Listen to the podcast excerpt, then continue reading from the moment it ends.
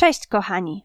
Witam Was bardzo serdecznie na moim kanale i zapraszam do wysłuchania kolejnego odcinka. Jest to historia niezwykła, ponieważ opowiada o tragicznych losach młodej dziewczyny, która szukając miłości sama w pewnym momencie zaginęła.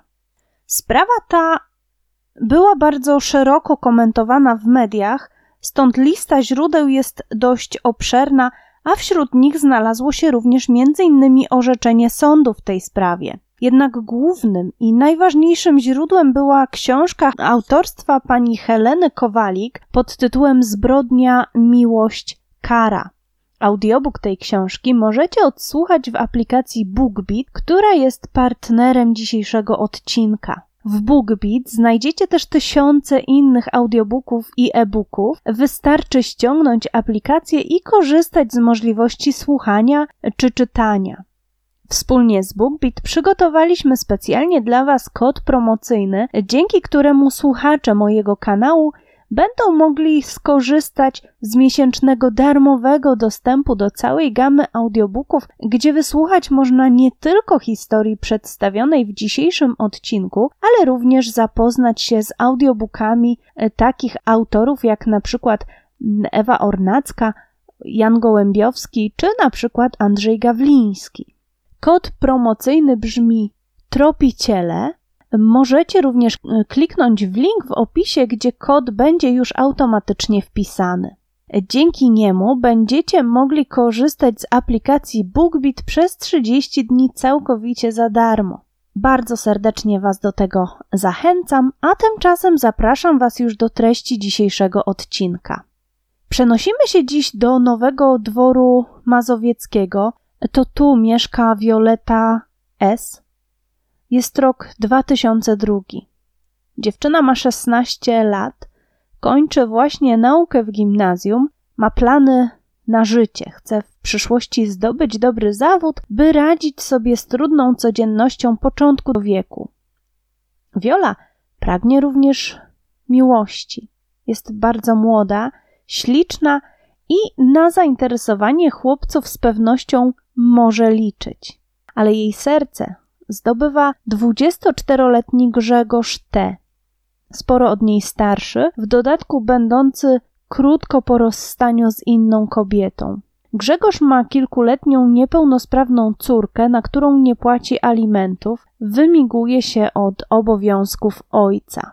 Grzegorz zakończył swoją edukację na podstawówce. Nie był miłośnikiem czytelnictwa, ale jedną książkę przeczytał aż czterokrotnie, Mein Kampf Hitlera. Co więcej, całość tej pozycji przepisał ręcznie dwukrotnie, by, jak twierdził, lepiej zrozumieć jej treść. Mężczyzna w przeszłości karany był za pobicie policjanta, a także lekarza. I dodać należy, że z pewnością kolor skóry medyka miał tu spore znaczenie. Mężczyzna był czarnoskóry i Grzegorzowi to nie odpowiadało. Taki chłopak zupełnie nie pasuje do ułożonej i spokojnej Wiolety. Wiola i Grzegorz spotykają się pomimo wyraźnego sprzeciwu ze strony jej rodziców. Pragnęli oni, by ich córka spotykała się z kimś, kto będzie odpowiedzialny i godny zaufania. Ale ona postanawia postawić na swoim. Ta relacja rozwija się mimo ogólnej niechęci rodziny Wioli do jej partnera. Chłopak Poza tym, że nie pracuje i nie interesuje się własnym dzieckiem, jest również związany z ruchem neonazistowskim, na co może wskazywać informacja o tym, że jego ulubioną lekturą jest Mein Kampf. Na swoich zdjęciach, które daje Violi, wpisuje dla niej dedykacje, których treść brzmi co najmniej dziwnie. Na jednej z fotografii mężczyzna zapisuje: Szykuję ci małe Dachau a na innym zadaje pytanie: Czy to nie jest twarz przyszłego Führera? Młody mężczyzna ma bardzo duży wpływ na wiolę. Manipuluje nią, wykorzystuje i okazuje jej kompletny brak szacunku. Pani Irena oraz pan Mirosław, rodzice Wiolety, obserwują to, co dzieje się między ich córką a Grzegorzem i są wyraźnie zaniepokojeni. Próbują odciąć Wiolę od Grzegorza, ale bezskutecznie. Dziewczyna nie zamierza jednak rezygnować z tej relacji, przeciwnie, angażuje się w nią z każdym dniem coraz bardziej. Czas mija, a wraz z upływem lat Wiola jest coraz bardziej zaangażowana w te relacje. Wie, że Grzegorz miał już kiedyś żonę, że nie interesuje się swoją córką i że jest fanem Adolfa Hitlera. Być może jest tak zakochana, że znajduje tłumaczenie na wszelkie nieprawidłowe zachowania partnera. Jej rodzice wreszcie ustępują i zapraszają Grzegorza do siebie na obiad.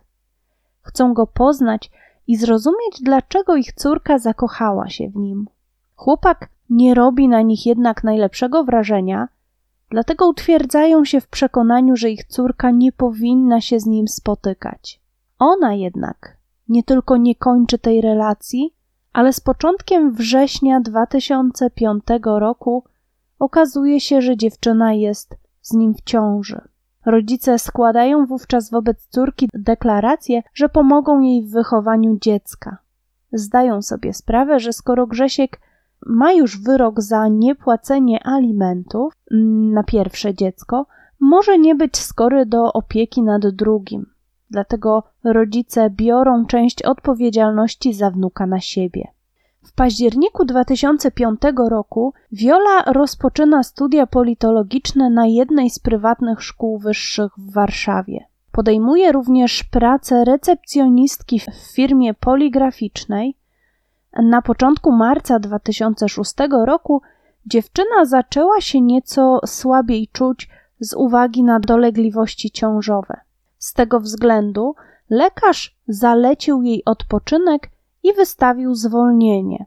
W tym czasie prawie nie wychodziła z domu, oszczędzała się. Od czasu do czasu wychodziła tylko na krótkie spotkania z ojcem jej dziecka, a na prośbę brata odbierała również jego synka z przedszkola. Czasami spotykała się ze swoją przyjaciółką Katarzyną, która również była w ciąży. Kasia wspominała później, że Grzegorz uderzył kiedyś Wiolę, uważała, że nie był to odpowiedni partner dla Violety. Słowa Katarzyny potwierdzali również inni, którzy go znali. Na mieście mówiło się o nim, że bił swoją pierwszą żonę. Był ciepły wiosenny dzień, 29 marca 2006 roku. Violeta spędzała go w domu, ale o godzinie 15 mówi babci, że wychodzi na chwilę. Starsza kobieta domyśla się, że wnuczka ma zamiar spotkać się z Grzegorzem. Dlatego próbuje ją powstrzymać. Wnuczka jest jednak uparta, w dodatku jest przecież w ósmym miesiącu ciąży, więc babcia nie chce jej denerwować i nie zamierza na siłę zatrzymywać jej w domu. Wiola zakłada kurtkę, buty i wychodzi, nie mówiąc, kiedy wróci.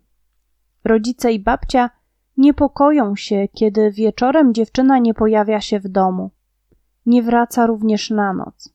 Początkowo rodzice myśleli, że Viola gdzieś się ukrywa, że jest być może obrażona na rodzinę i nie ma zamiaru na razie wracać do domu. W pierwszych chwilach szukali jej na własną rękę u krewnych oraz u znajomych. Dzień po zaginięciu zadzwonił do nich Grzegorz Powiedział, że jest zaniepokojony brakiem kontaktu ze strony Wioli. Gdy powiedziano mu, że zaginęła, poprosił rodziców swojej dziewczyny, by ta zadzwoniła do niego, gdy wróci. Podyktował im nawet numer swojego telefonu. Zdziwili się. Po co podawał numer? Zastanawiali się. Przecież są parą od czterech lat i Wiolka z pewnością zna jego numer. Szybko jednak o tym zapomnieli, bo w tej chwili najważniejsze było ustalenie miejsca pobytu ich córki. Gdy czas mijał, a dziewczyna nie odzywała się do rodziców, postanowili, że powiadomią o wszystkim policję.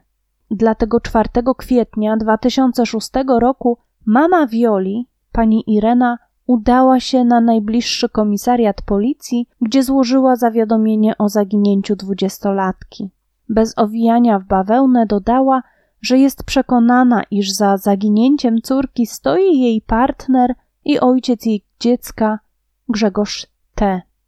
Sprawdzono zatem, co partner Wioli robił w dniu jej zaginięcia. Ustalono, że tego dnia rano pojechał na rowerze do Modlina. O godzinie 11 pojawił się na działce swojej cioci.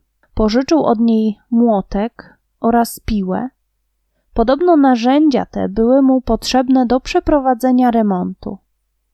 Wczesnym popołudniem był już w Nowym Dworze Mazowieckim. O godzinie 15 spotkał się ze swoją znajomą, z którą wypił piwo. Po tym spotkaniu udał się na spacer z Violettą. Według tego, co mówił, było po godzinie 17. Wybrali się na spacer do rezerwatu przyrody Kępy Kazuńskie, ale kiedy mama Grzegorza wróciła do domu o godzinie 18, syn był już w mieszkaniu. Gotował zupę, wynosił śmieci. Następnego dnia powiadomił swoją byłą partnerkę Martę o tym, że Wiola zaginęła. I tu warto na chwilę zatrzymać się przy osobie Marty. Była to dziewczyna, z którą Grzegorz spotykał się w 2002 roku. Byli ze sobą dość krótko. Dziewczyna zaszła z nim w ciąży, ale straciła dziecko, nie donosiwszy ciąży. W tym czasie Grzegorz zaczął się już spotykać z Wiolą. Początkowo dziewczęta nie wiedziały o sobie wzajemnie, ale gdy Marta dowiedziała się o konkurentce, natychmiast rozstała się z Grzegorzem. Po zgłoszeniu zaginięcia córki rodzice podejmują szereg działań zmierzających ku jej odnalezieniu. Udają się do znajomych córki, rozwieszają na mieście plakaty, jadą nawet do Człuchowa, by spotkać się z jasnowidzem Krzysztofem Jackowskim. Ten daje im nadzieję, że ich córka żyje i należy szukać jej w Warszawie. Ojciec natychmiast udaje się na Ursynów, gdzie według jasnowidza ma żyć jego córka. Pan Mirosław wysiada z metra i w pobliżu stacji widzi dziewczynę łudząco podobną do jego zaginionej córki. Zrywa się natychmiast, by pobiec do dziewczyny. Nim jednak przedrze się przez tłumy przechodniów, dziewczyna zniknie ale w myślach rodziny pojawia się wówczas nadzieja, że Viola i dziecko żyją, że są bezpieczni. Kolejny trop prowadzi do Modlina. Pewnym momencie zgłosiła się kobieta, która miała tam widzieć zakochaną parę.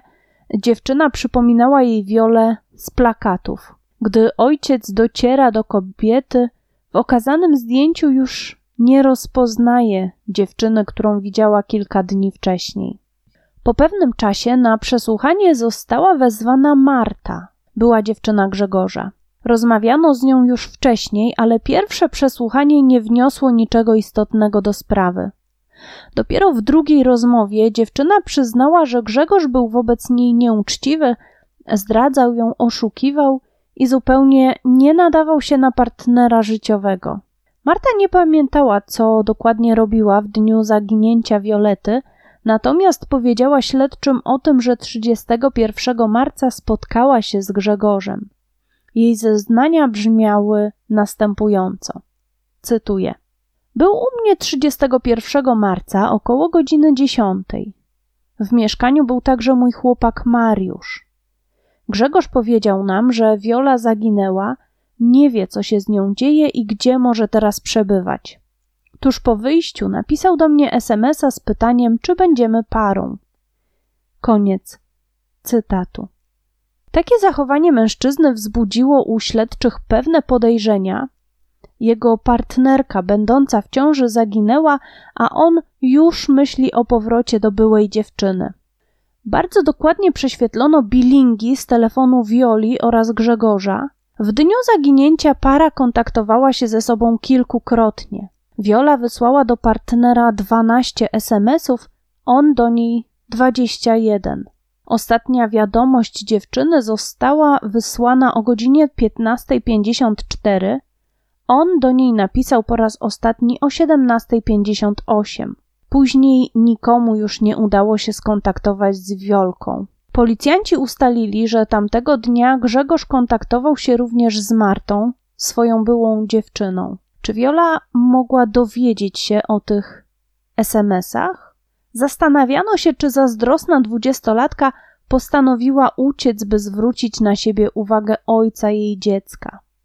te wersje nie wierzyli jej rodzice, którzy twierdzili, że ich córka nie wyjechałaby na kilka tygodni przed porodem, w dodatku bez pieniędzy, bez dokumentów i ubrań na zmianę. Sugerowali natomiast, że Grzegorz może mieć coś wspólnego z zaginięciem ich córki.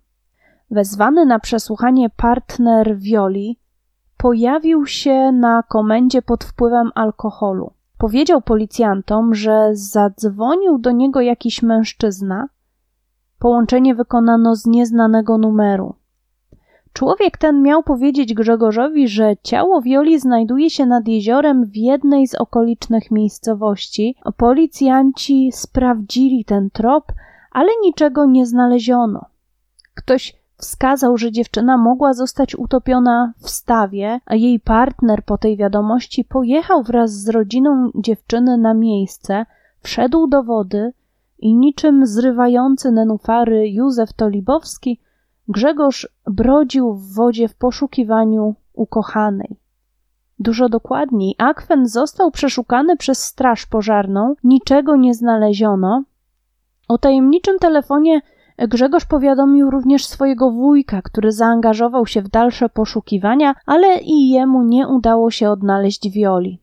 Po upływie kilku tygodni uznano, że najwyższy czas, by sprawdzić szpitale w całej Polsce i dowiedzieć się, czy Violeta urodziła dziecko. Mimo dokładnego sprawdzenia, ponownie nie natrafiono na żaden ślad dziewczyny. Postanowiono wówczas wykorzystać internet, by dotrzeć do ewentualnych świadków. Dzisiaj jest to już powszechna praktyka, że zdjęcia zaginionych są natychmiast publikowane w sieci zaraz po zaginięciu. Jednak przed laty internet nie był jeszcze tak popularny jak dziś, dlatego ogłoszenia zamieszczane e, w sieci nie zdobywały tak szerokich zasięgów jak obecnie. Mimo prowadzenia dość szeroko zakrojonych poszukiwań, policjanci w dalszym ciągu sprawdzali również najbliższy krąg znajomych E, zaginionej dwudziestolatki. Stworzono również portret psychologiczny samej dziewczyny, na podstawie którego uznano, że Violeta ma skłonności samobójcze i może przypuszczalnie targnąć się na własne życie. Nie znaleziono jednak jej ciała, a kolejne działania nie przynosiły rezultatu. 25 kwietnia 2007 roku prokuratura rejonowa w Nowym Dworze Mazowieckim umorzyła śledztwo w sprawie zaginięcia dziewczyny. Czas mijał, a rodzina nadal nie znała odpowiedzi na pytanie o to, co stało się z Violetą.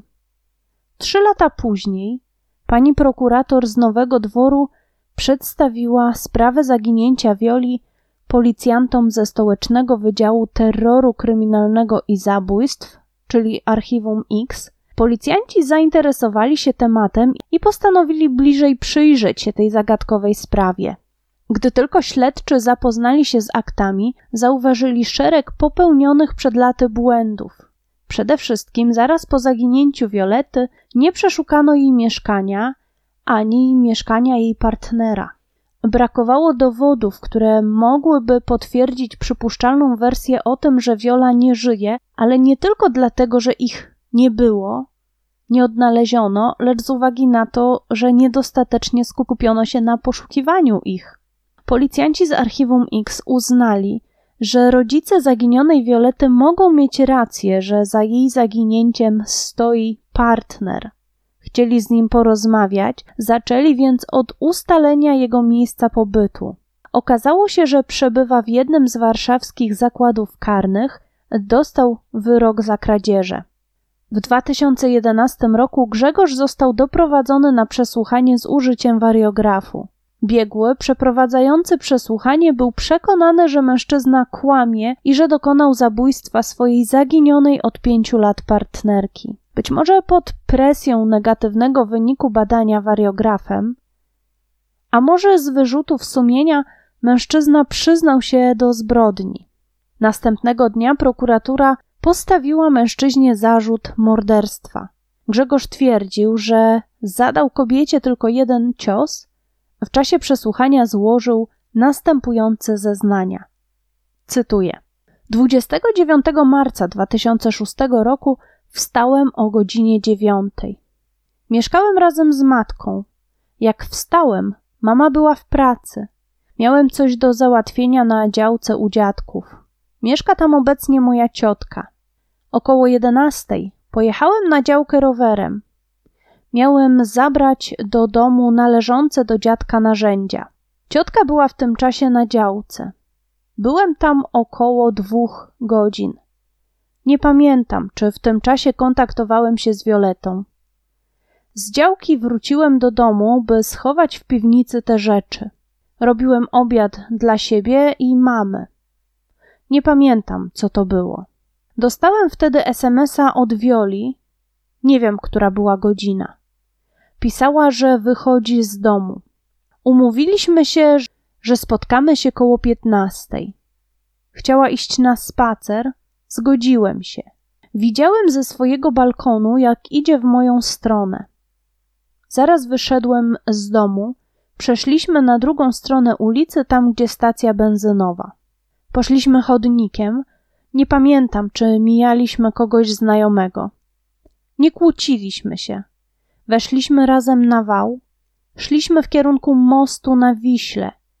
Idąc tym wałem, zaczęły się sprzeczki, bo Wiola czepiała się mnie, że czasem chodzę do Marty. Była zazdrosna. Spokojnie tłumaczyłem jej, że nic mnie z nią nie łączy.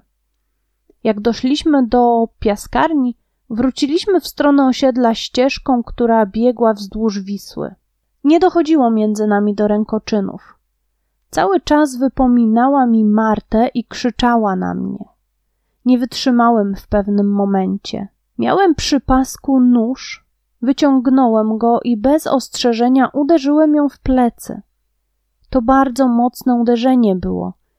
Od razu osunęła się na ziemię. Nie pamiętam, czy od razu straciła świadomość, ale wydaje mi się, że zmarła od razu. Ten nóż nieraz ze sobą nosiłem. Ostrze miało 12 centymetrów. Włożyłem go w jej plecy niespodziewanie. Dlaczego pchnąłem? Nie chcę odpowiadać na to pytanie. Nie pamiętam, czy planowałem to zabójstwo wcześniej, czy był to impuls. Wydaje mi się, że byłem przygotowany na zabójstwo. Spojrzałem na okolice i nikogo nie widziałem. Z szopy wziąłem narzędzia i ją zakopałem. Jak wracałem szybkim krokiem, nóż wrzuciłem do Wisły. Miejsce było ciche i niewidoczne. Jak wróciłem do domu, wykąpałem się, wypiłem kawę i dokończyłem obiad. Nie przebierałem się i nie prałem ubrań. Jak wychodziłem ze śmieciami, było już ciemno. Później specjalnie uczestniczyłem w poszukiwaniach, żeby nie było podejrzeń, że to ja zrobiłem. Chciałem tego dziecka i chciałem wyjaśnić tę historię. Koniec cytatu. Grzegorz twierdził również, że Wiola miała do niego pretensje o kilka spraw, o których dowiedziała się od kolegów Grzegorza. Zarzucała mu brak odpowiedzialności i krzycząc na niego nie dawała mu dojść do słowa, a on, jak twierdził, chciał jej wszystko wyjaśnić. Powiedział, że zabił, bo go wkurzyła, bo nie dała mu dojść do słowa. Mężczyzna wskazał policjantom miejsce ukrycia zwłok Wioli. Kobiecie zadano pięć ciosów. Grzegorz przyznał się do zadania tylko jednego z nich. Twierdził, że pozostałe powstały, kiedy policjanci w poszukiwaniu zakopanego ciała nakłuwali ziemię szpikulcem. Badanie sekcyjne wykluczyłoby słowa Grzegorza były prawdziwe. Biegli psychiatrzy orzekli, że mężczyzna nie cierpi na żadną chorobę psychiczną, jego poziom inteligencji był w normie, mężczyzna nie zażywał narkotyków, alkohol pił rzadko. W chwili popełnienia zbrodni był poczytalny. Po tym, gdy odnaleziono ciało Wioli, jej mama, pani Irena, mówiła o tym, że miała wspaniałą córkę, a Grzegorz z zimną krwią zamordował ją i zakopał w dole jak psa. Dodała, że przez pięć lat miała poważne problemy ze snem. Myślała o córce oraz o wnuku, który przecież miał przyjść na świat wiosną 2006 roku. Gdy sprawa trafiła do sądu, matka Grzegorza odcięła się od niego. Nie brała udziału w jego procesie, nie postarała się również o adwokata dla syna. reprezentował go obrońca z urzędu. W czasie procesu potwierdziły się przypuszczenia Violi, że jej partner wciąż kocha swoją byłą dziewczynę Martę. Połowie marca, na kilka dni przed zamordowaniem Violety, mężczyzna napisał do Marty kilka listów, w których wyznawał jej miłość. Dopytywana o treść korespondencji, Marta mówiła, że wszystkie listy były do siebie bardzo podobne. Grzegorz wyznawał jej miłość, przepraszał ją, ale dziewczyna była obojętna wobec jego zalotów. Jak twierdziła, nawet nie chciało jej się czytać tych listów. Dziwne zachowanie Grzegorza zauważyła również kobieta, która związała się z nim już po zaginięciu, a w zasadzie po śmierci Wioli. Małgorzata, bo tak miała na imię, zeznała, że Grzegorz mówił jej o zaginięciu Wioli. Początkowo powiedział, że wyjechała, uciekła od niego, ale pewnego dnia, gdy był pod wpływem alkoholu, powiedział, że zamordował Wiolę. Opisał przebieg zbrodni, ale zupełnie inaczej niż w rzeczywistości przebiegała. Twierdził, że przeciął jej żyły pod kolanami, a ona wykrwawiła się na śmierć. Ciało zakopał w jakimś garażu. Kobieta nie uwierzyła mu i dlatego nie zgłosiła się na policję. Nikt nie miał wątpliwości co do winy mężczyzny. Przyznał się przecież do winy, wskazał miejsce ukrycia ciała, opowiedział, jak dokonał zabójstwa, i ten opis był zgodny z materiałem dowodowym znalezionym na miejscu ukrycia zwłok. Prokurator powiedział nawet, że szkoda, iż w polskim prawie nie ma zapisu o tym, że mordowanie kobiety w ciąży jest traktowane jako podwójna zbrodnia, bo przecież Grzegorz nie pozwolił własnemu dziecku przyjść na świat. Zabijając Wiolę, zabił również własnego syna. Sąd pierwszej instancji skazał mężczyznę na dożywotnie pozbawienie wolności jednak sąd apelacyjny obniżył ten wyrok do 25 lat. Mężczyzna obecnie odbywa swoją karę, a przed nim jeszcze kilka lat za kratami. I trudno nie zgodzić się z prokuratorem, że Grzegorz powinien być sądzony za podwójną zbrodnię. Na stole sekcyjnym były bowiem dwa szkielety Wioli oraz jej synka, który lada dzień miał przyjść na świat. I to już wszystko w tej niesamowicie smutnej sprawie. Pamiętajcie o możliwości skorzystania z 30-dniowego darmowego dostępu do aplikacji BookBeat, dzięki której odsłuchacie nie tylko audiobook autorstwa Heleny Kowalik pod tytułem Zbrodnia, miłość, kara, ale także na przykład Warszawę kryminalną tejże autorki, Zbrodnie bez ciał Andrzeja Gawlińskiego, umysł przestępcy znanego profilera Jana Gołębiowskiego, a jeśli interesują Was inne dziedziny niż tylko sprawy kryminalne, to zdecydowanie polecam Wam książki na przykład Briana Tracy, które pomogą Wam nie tylko marzyć, ale również osiągać cele. Podobny skutek może przynieść wysłuchanie historii wielkiego naukowca Nikoli Tesli, o którym w swojej książce opowiada Patrick Shannon. Wszystko to i dużo, dużo więcej możecie mieć przez 30 dni za darmo, jeśli skorzystacie z dedykowanego kodu o treści Tropiciele. Link do łatwej rejestracji znajdziecie w opisie odcinka. A tymczasem żegnam się już z Wami i zapraszam na kolejny odcinek już za kilka dni. Trzymajcie się ciepło i uważajcie na siebie. Cześć!